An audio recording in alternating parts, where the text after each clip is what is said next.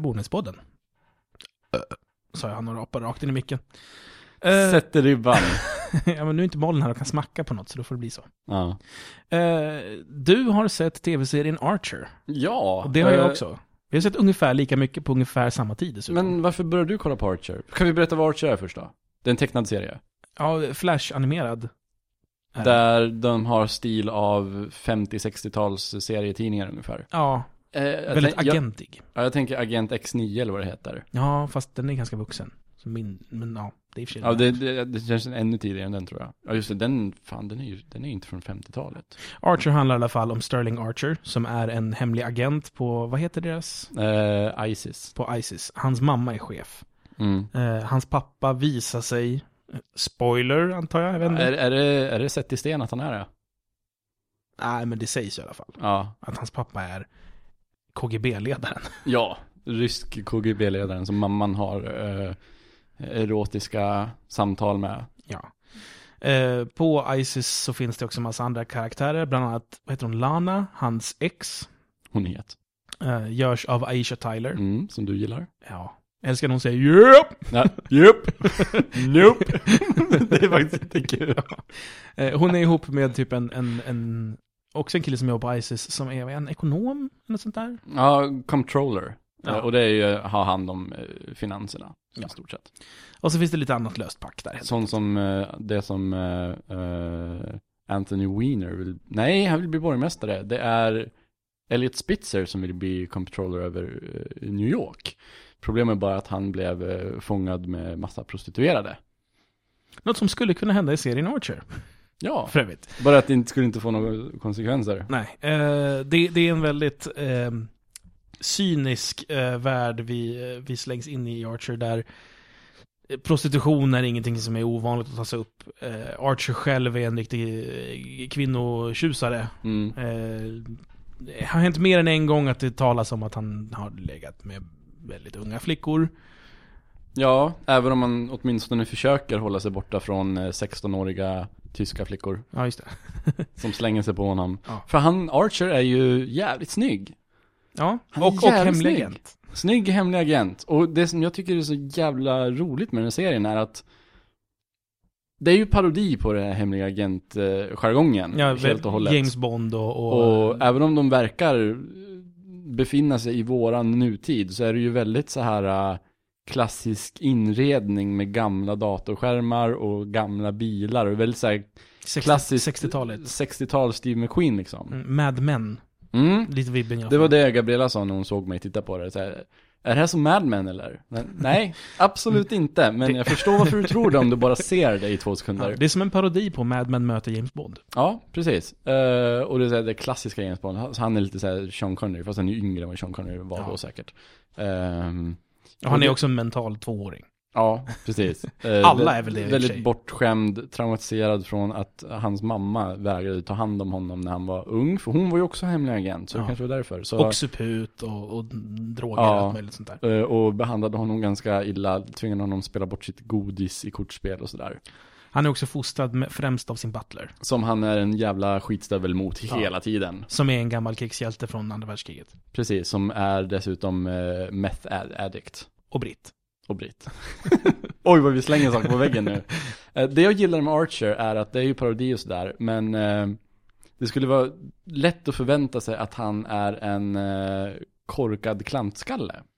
Mm. Men han är ju en jävla bra eh, spion egentligen. Ja, det är ju det. Han är ju jävligt kompetent på sitt jobb. Han är ju det. Ja, och- han är snygg, han är stilig, han eh, kan skjuta, han kan slåss, han tar sig ur kn- Han är James Bond. Ja.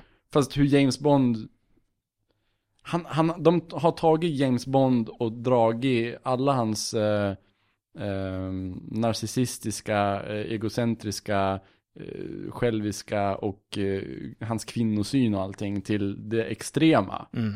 Tills det blir liksom roligt. Så det tycker jag, jag tycker det är jättekul att han är kompetent och att han faktiskt är en jävla lirare. Jag gillar att de har tagit Aisha Tylers karaktär, Lana, och Mm. gjort en omvänd situation där. För att med honom så, man förväntar sig att han ska vara dålig på sitt jobb men rolig. Mm. Men han visar sig vara bra på sitt jobb. Mm. Aisha förväntas, förväntar man sig vara inte lika rolig, extremt kompetent Eh, och liksom så här, den perfekta agenten typ. För hon, är, Mm. hon, är, så här, hon är ung, hon är sexig och hon är skitbra på allting som han är skitbra på. Men hon är minst lika klantig som man förväntar sig att han ska vara. Och hon är fortfarande kompetent. Ja. Men saker och ting går ju ofta åt helvete. Och ofta är det Archers fel. Ja, Sterling Archer som han heter. eh, hans mamma Du- heter ju också Archer. Ja, precis. Så när hans mamma pratar med honom så säger hon Sterling. Mm. Eh, när kollegorna pratar säger de Archer. Eh, röstskådespeleriet är ju mycket av det som säljer den här serien. Mm, det var faktiskt därför jag började kolla på det här. Och det är, Sterling Archer görs av, eh, vad är han heter? B... Ben J. Johnson Mm. eller sånt där. Och anledningen till att jag började kolla på den här för en vecka sedan var just för att jag såg en scen, eller en del utav avsnitt på, på Reddit. Mhm. Där eh, Archer råkar ut för en explosion Mhm. Och blir eh, vanskapt. Och de försöker rädda hans, eh, hans yttre. Mhm.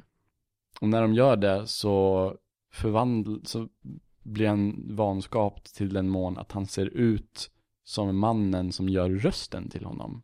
Aha. Han blir plufsig. Jag har inte han- sett det här avsnittet. Nej, han blir pluff, det är inte jag heller. Det är, jag tror det är typ väldigt nytt avsnitt. Eh, han blir plufsig, han blir eh, flintskallig. Och han blir ungefär eh, 25 centimeter kortare. och då sätter de alltså den här super flashy agenten som är van med att få alla brudar. Och är van med att kunna avfyra enorma pistoler med rak arm så här bara träffa allting. Sätter de honom i den här, och han är ju här ripped, han är ju fit. Ja. Han är ju snygg eh, på både ansikte och kropp. och han går ofta omkring lättklädd i bara handduk eller i bara byxor eller något sånt där. Det gör ju, det gör ju Lana han är- också. Han är extremt depraverad sexuellt, ska man tillägga. Ja, och, Man får ju aldrig se det, men man får gärna, man får gärna se, höra typ ljud och så kommer han ut med typ en diskhandske på ena handen, en gigantisk teddybjörn på den andra och så frågar han så här, har vi någon olivolja hemma? Ja, precis. Eh, ehm, och uh, Aishas karaktär går ju också omkring ganska halvnaken ganska ofta. Ja. Det är väldigt mycket sex i den här serien. Oerhört mycket. Det är det. Uh, fan varför var jag? Just det. Eh, och då måste, måste man så här följa honom när han måste hantera eh, och se ut som en vanlig människa.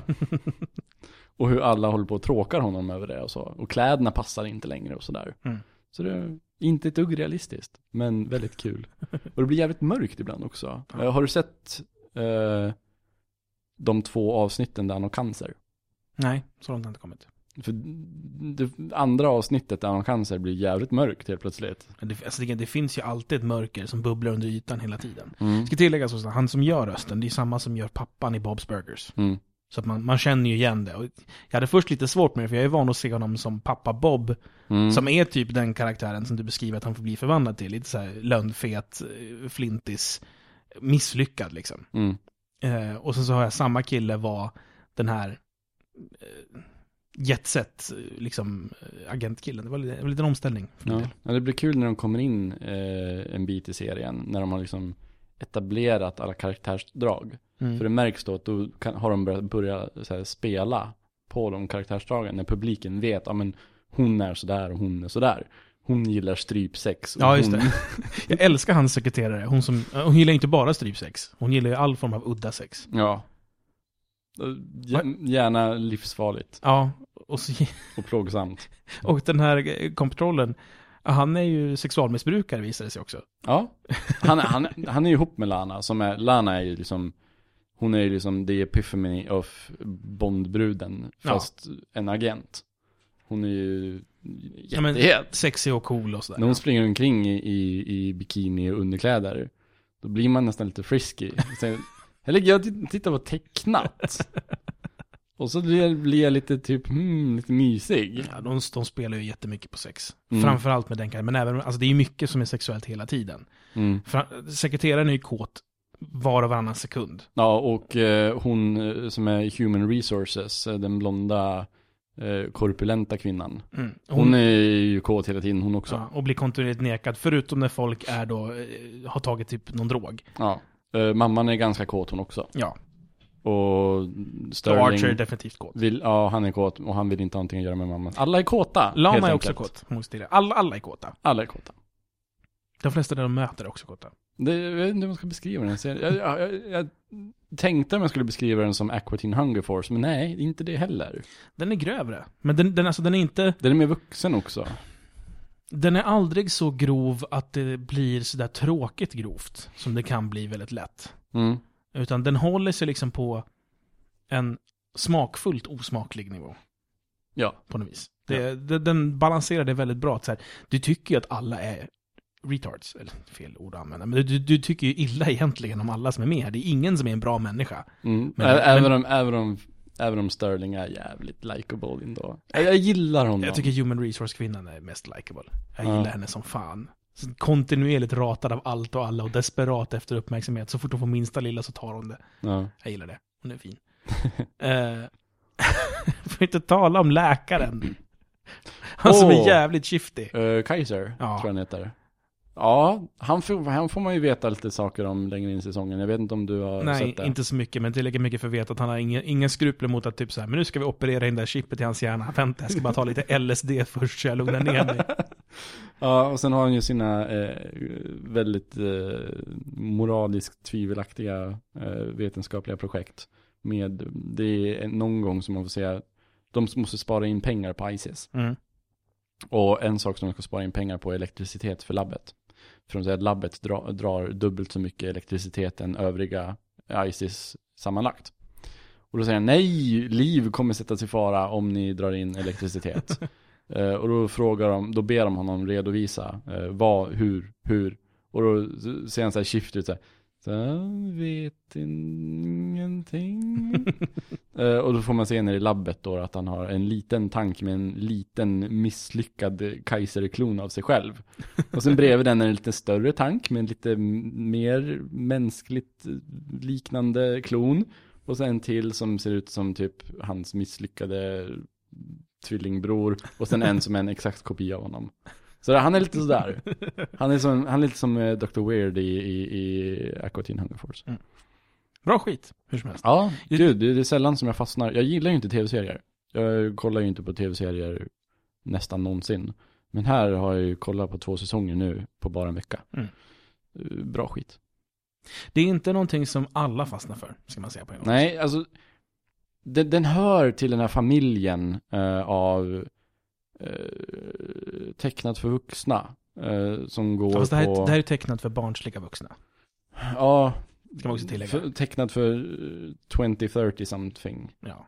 Eh, Comedy Central tecknat. Skulle jag vilja kalla det. Eh, Och jag vill nästan dra det till att det är, vad, vad heter det som de har liksom så after dark, så att säga? Adult Swim. Just det. Adult, det är Adult Swim helt enkelt. Precis. Vad är, är, är det på Comedy Central? Ja, det är deras kvällsserie. Men du, Men det är den Aqua Teen Hunger Force-familjen känns det som. uppskattar du, eh, vad heter Seth Greens dockshow? Uh, Robert Chicken. Uppskattar du Robot Chicken men känner att du vill ha lite mer så här, sammanhängande och en berättelse, inte bara random scener. Men du ändå gillar liksom den här ja, ganska våldsamma och, och väldigt extrema humorn. Så tror jag att det här kan vara rätt. Mm. Och eh, det, det är inte så mycket så här. Det har blivit det andra halvan av, av andra säsongen har det blivit det mer. Men det är inte så här mycket flashbacks och sådär. Det är inte så här fragmenterat berättande som i Family Guy eller Robot Chicken eller något Nej, nej, nej. Utan det, det, det, det, är en straight väldigt- story liksom. Ja, det är väldigt så här klassiskt berättat med ett linjärt manus. En början, mitt och slut. Ja, precis. Eh, och avsnitten är både fristående men ändå kronologiskt sammanbundna. Så, Ja, för det finns ju saker som återkommer. Som det är men det här, liksom, det finns förhållanden på kontoret till exempel, håller ju i sig. mm. Lana är ju ihop med controllen och så vid ett tillfälle gör de slut. Så, det, finns sådana saker liksom fortsätter. Och sen är det vissa detaljer som jag gillar. Det finns ett avsnitt där eh, de är ofta ute på hemliga eh, uppdrag och sådär. Ja. Och då ska Lana eh, in, infiltrera en, en rik ryss eller någonting på en, på en, på en jakt eller något sånt där. Ja, lustjakten. Ja, eh, Han är vapendealare va? Ja, och då i det avsnittet så skjuter Lana Sterling i foten. Och sen senare när man får se hans fot så har han ett R där. Ja, just ja. Eh, och sen så skaffar han eh, tatuering på ryggen. Och det är kvar sen. i, i, i kommande avsnitt. Så är det sådana detaljer som jag gillar. Mm. Så det är, det är kronologiskt, men man kan nästan det enda man missar om man hoppar in mitt i en säsong är relationerna mellan de här eh, karaktärerna och det är ganska viktigt. Mm. Men det är inte så här att de fortsätter storyn. Så man kan Nej, alltså, det som fortsätter som sagt, det är ju relationerna. Som är Mm. det, alltså, det är det som är showen. Att, att det finns ett äh, agentäventyr i varje avsnitt är ju mindre viktigt. Relationerna är gamla, situationerna är nya. Ja. Så det, Det är en sitcom, Ja. helt enkelt. ja, det är jävla bra. Jag gillar det här. Jag kommer, jag kommer helt klart kolla igenom hela. Jag höjer också ett varningens finger för att det kan finnas rätt mycket trigger warning om du är känslig för ja, all former av misogynistic behavior, eh, Ja, alltså, sexism, det- rasism. Det, det är jättemycket sånt. Du, Alltså- precis, det kommer man ju inse ganska fort. När det finns Eh, en bomb på ett zeppeliner och Sterling är helt säker på att det är araben.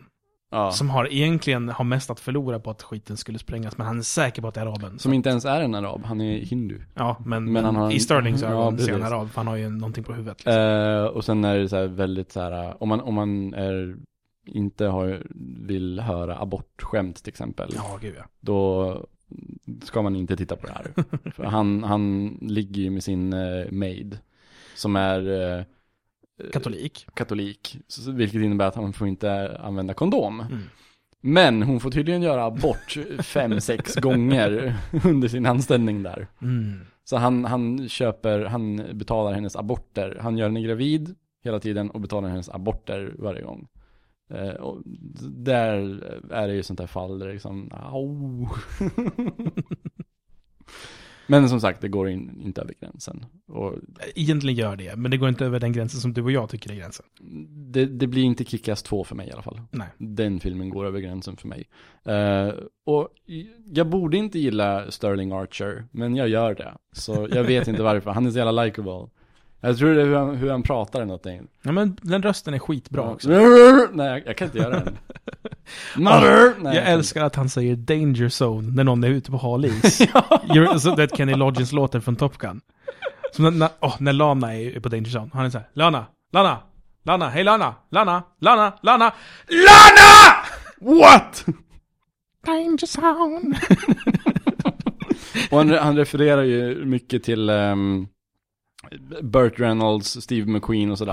Ja, det är hans idoler. Ja, så man ser ju att, att han har sin inspiration från samma källa som, som serien har då. då. Så där, fan. Han Bra- är en bra skit. älskvärd skitstövel. det är nästan så, eh, och de måste ju göra honom charmig och älskvärd också, för man måste ju kunna köpa att han får alla de här brudarna. Ja, och sen också, alltså, utan älskvärdheten som finns i alla de här hemska, hemska, hemska människorna så skulle det ju bara vara hemska, hemska människor. Mm. Som alltså, att se hemska människor göra hemska saker är inte roligt. Nej. Att se hemska människor som är likable göra hemska saker, det är jätteroligt. Mm. Och det är så svårt, måste, bra skrivet om det är som man lyckas Mm. med det. Väldigt bra skrivet. Ja, det var Archer. Det var Archer. Jag såg om The Hobbit igår. Hemma Nej, oh.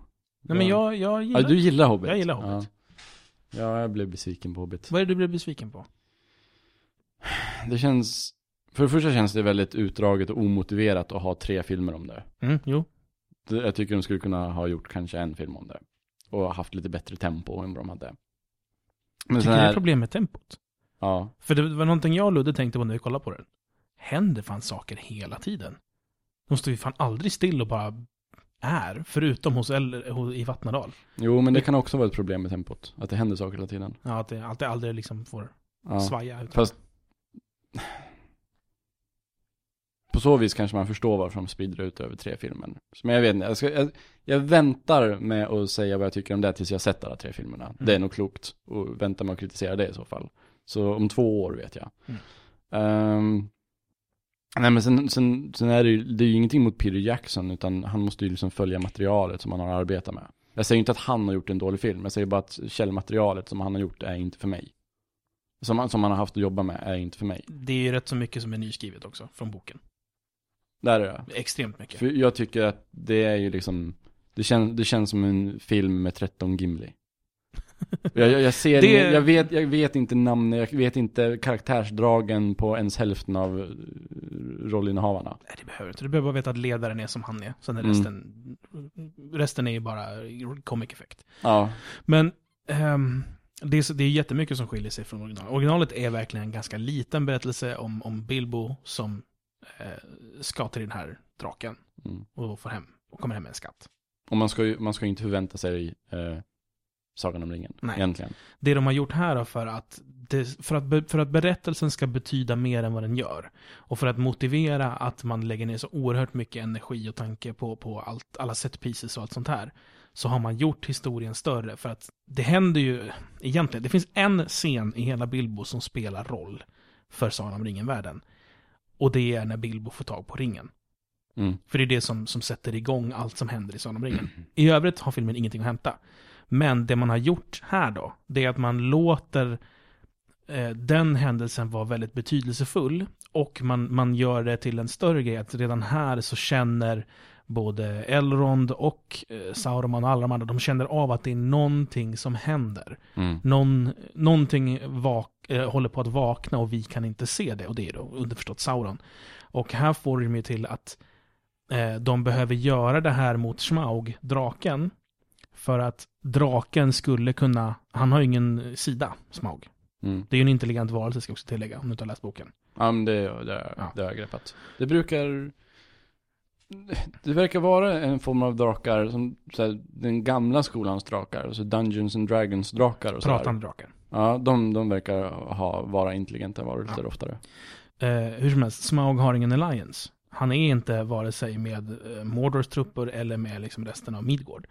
Utan han är en free agent. Och vilket gör att de är oroliga för att han är ju ett oerhört kraftfullt vapen. Och skulle han hamna i den här eventuella ondskan som man anar händer, så skulle det vara ett stort problem. Så Mm. därför gör man äventyret större än vad det egentligen från början är. För när Bilbo skrevs så hade man inte tänkt på allt det andra. Ringen är ju inte alls lika viktig. Det, det är bara en ring som gör dig osynlig. Bi- skrevs, skrevs... Eh, Bilbo skrevs först. Gjorde det alltså? Okej. Och det var avsett som en Barnsaga. barnsaga? Han skrev Bilbo eh, för att eh, han, det, han satt en dag på sitt kontor, det här är berättelsen. Han satt en dag på sitt, kor, på sitt kontor och så hade han en här penna i handen och så skrev han bara eh, there, eh, In a hole in the ground there lived a hobbit. Och sen utifrån det så blev det en hel historia. Han, han använde det här som en barnsaga som han berättade för antingen sina barn eller sina barnbarn, jag minns inte. Mm. Och sen så skrev han ner det och gavs, det gavs ut som barnboken Bilbo, som är en äventyrsbok för barn. Mm. Och sen senare så eh, liksom behövde han arbeta sig igenom sitt trauma efter att ha stridit i första världskriget. Och då utnyttjade han samma värld och skrev Sagan om ringen, som är hans sätt att liksom mentalt ta sig igenom vad han egentligen var med om. Mm. Och det, jag tror det är det som lyser igenom lite grann, att, att källmaterialet är liksom inte lika moget som Sagan om ringen-trilogin. Nej, nej, det är mycket barnsligare. Men jag, Och- jag tycker om det. Alltså, jag tycker Sagan om ringen-trilogin är fantastisk, men den är, den, har, den är väldigt lätt nära bajsnödighet. Och jag, jag, jag kanske ska tillägga att eh, jag har liksom inga... När jag säger att jag inte gillar eh, Bilbo så mycket, så Mm. ska jag säga att jag gillar inte Sagan om ringen-trilogin så mycket heller. Så, Det gör jag. Men jag, ty- man, men jag tycker Sagan om ringen-trilogin lätt eh, tangerar bajsnödighet väldigt ofta i väldigt många scener. Man bara säger åh, var inte så jävla högdragna för fan. Mm. Och därför så kan jag uppskatta den här som inte tar sig själv på lite stora Inte allvar. lika pretentiös. Nej, men så, så här, den, den vackra monologen här, den är så jävla basic och så down to earth. Det är Bilbo som säger, ja, jag trivs bäst hemma. Och ja, jag saknar mitt hem. Och ja, jag vill åka hem. Men det var därför jag kom tillbaka. För ni har inget. Och jag kan, jag ska göra Mm. mitt bästa för att hjälpa er. Och det, det blir så himla ärligt. Det är så, ja, det är klart. Alltså, det bästa han vet är att vara hemma och de andra har inget hem. Och det är därför han hjälper dem. Och det tycker jag de gjorde fint i filmen, för det är inte... Det, det, Det är inte med i boken. det är inte det? Nej, det Ah, skrevs för filmen. Och det är Okej, för det... skitbra skrivet tycker jag. Ja, det tycker jag också. Eh, för att den, den följer ju verkligen den här uh, Heroes Journey-mallen. Där Bilbo är väldigt jävla motvillig Mm. till att gå ut på den här quest- questen först. Men sen har de liksom, om de inte skulle haft den där förklaringen, det där motivet, och hur de, de, de, de skriver inte på näsan på tittaren heller.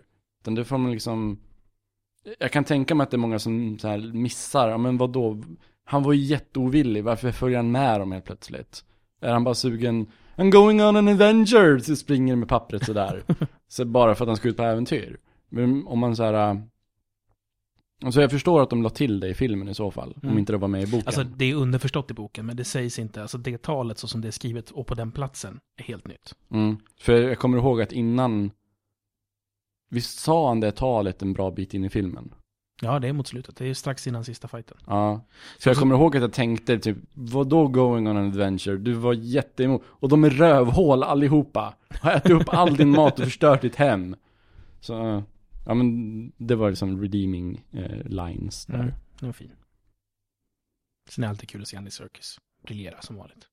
Ja, det, är det, det, det, är ju, det, är det är ju filmens stora setpiece om man frågar mig. Mm. Det och när de flyr från eh, eh, orkgruvan.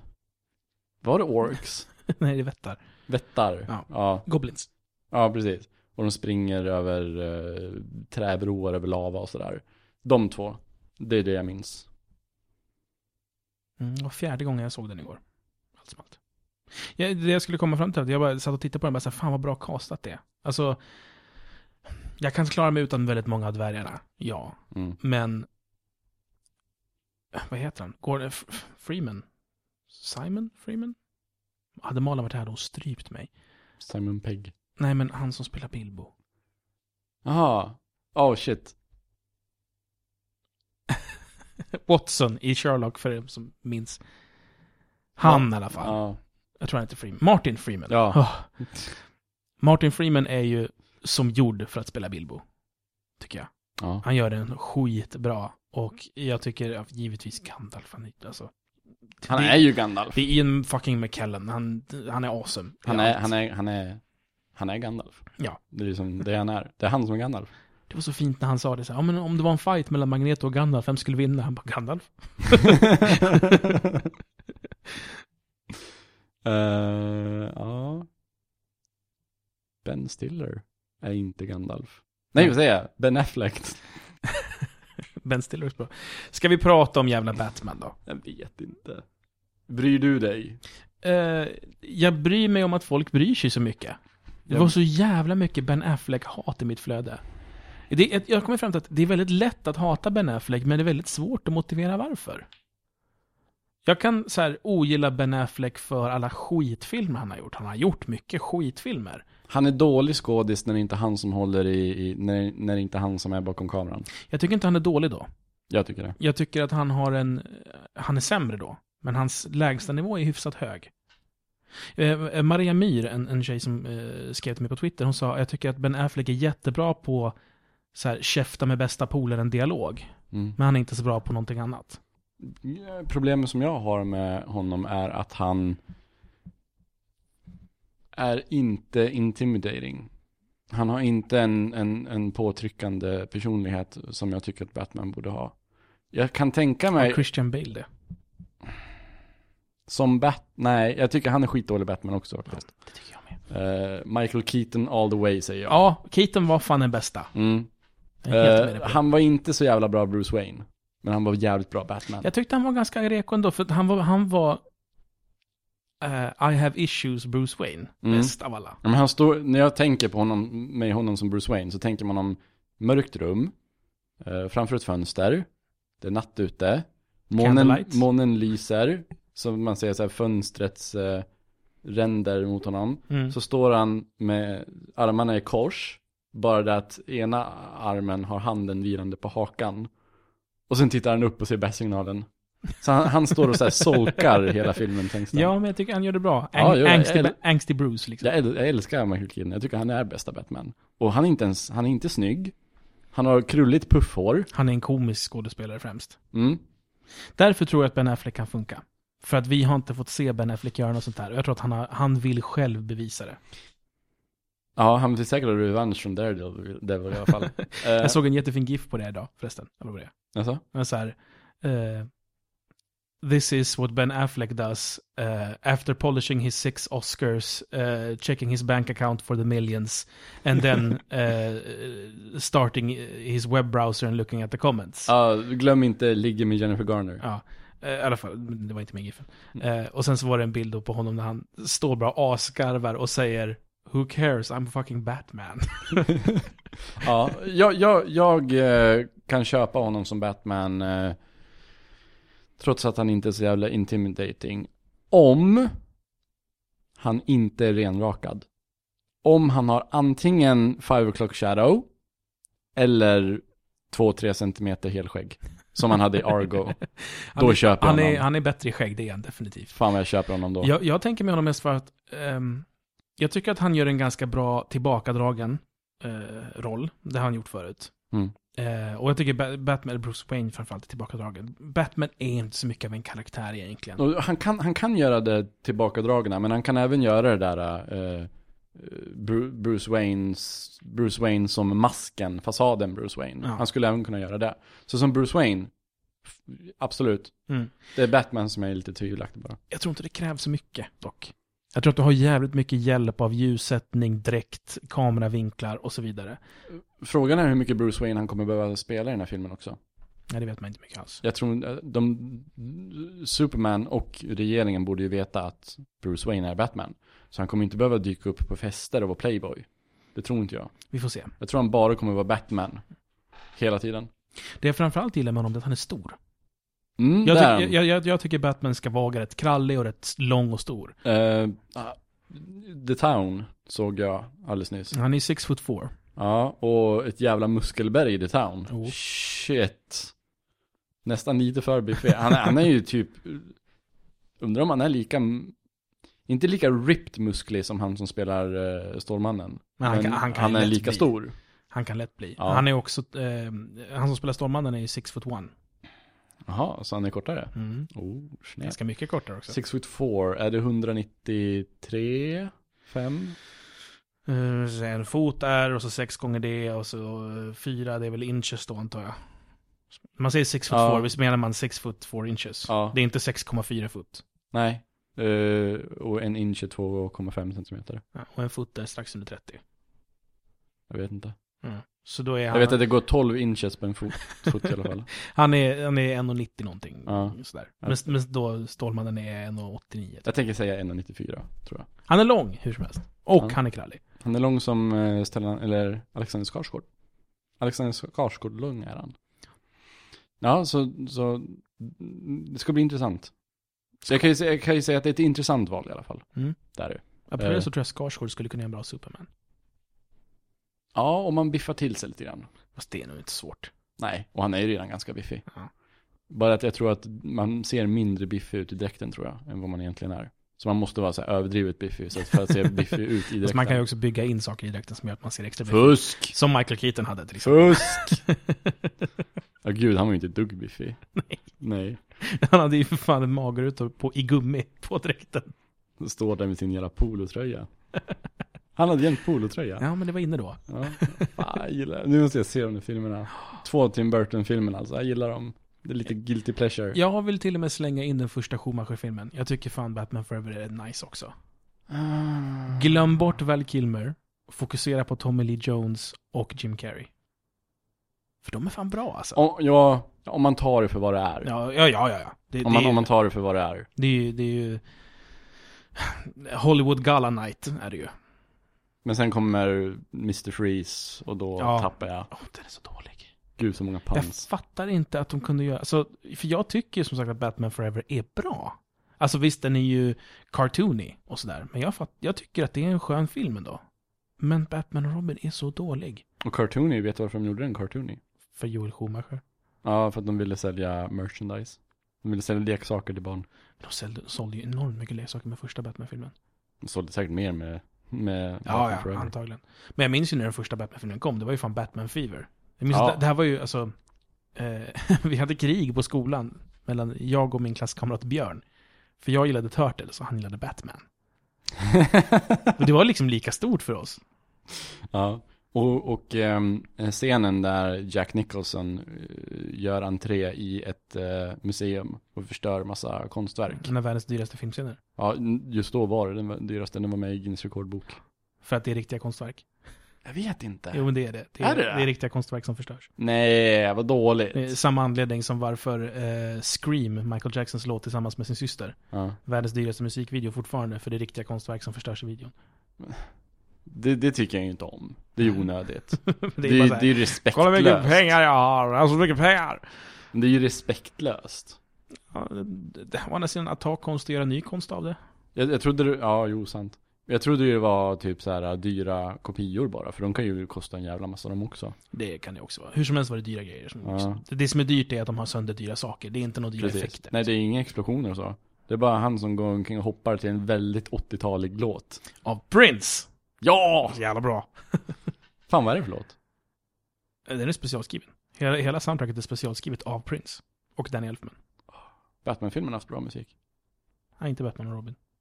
Men det är ju för att det är Danny Elfmans grundtema hela tiden. Ja. Seal Kiss by a Rose. Hold me, kiss me, thrill me, kill me. Åh, gud. Den musikvideon. Jokern i den musikvideon. Fy fan. Före sin tid. Va? Jokern är inte med i den musikvideon. Jo, det är den ju. Hold me, thrill me, kiss me, kill me till Batman Forever. Då är det ju Jim Carrey. Men det är U2. Ja. Jo, Jokern är med i den musik... Alltså inte från filmen. Han är specialritad för musikvideon.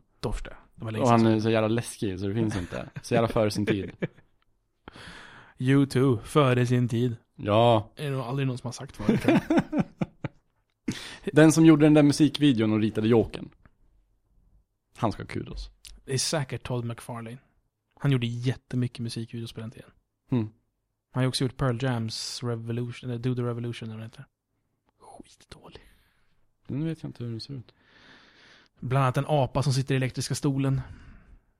Ja, är det mycket så här kameran zoomar in och snurrar runt och sådär? Säkert, jag minns inte. Ja, Jag minns bara att den är ganska dålig. Då vet jag vad det är. Man blir typ åksjuk av den. Ganska dålig låt. Jag gillar inte Pearl Jam. Oj! Men jag gör inte det, aldrig gjort det. Jag har absolut ingen relation till Pearl Jam. Min stora syster älskar Pearl Jam. Det är alltid lite så här smått jobbigt när det kommer upp. Jag trodde alltid när jag var liten att Pearl Jam var så väldigt hårda, som AC/DC eller något. De är ganska mjuka. Som AC/DC. Ja. De är inte hårda. Jo, kom igen, de är skithårda. Dynamite, dynamite. Sån musik som eh, spelas i så här Playboy-videos från 90-talet. När brudar så åmar sig på en eh, la, ladu, laduvägg. Kanske. It doesn't matter if you want it back You've given it away You've given it away It doesn't matter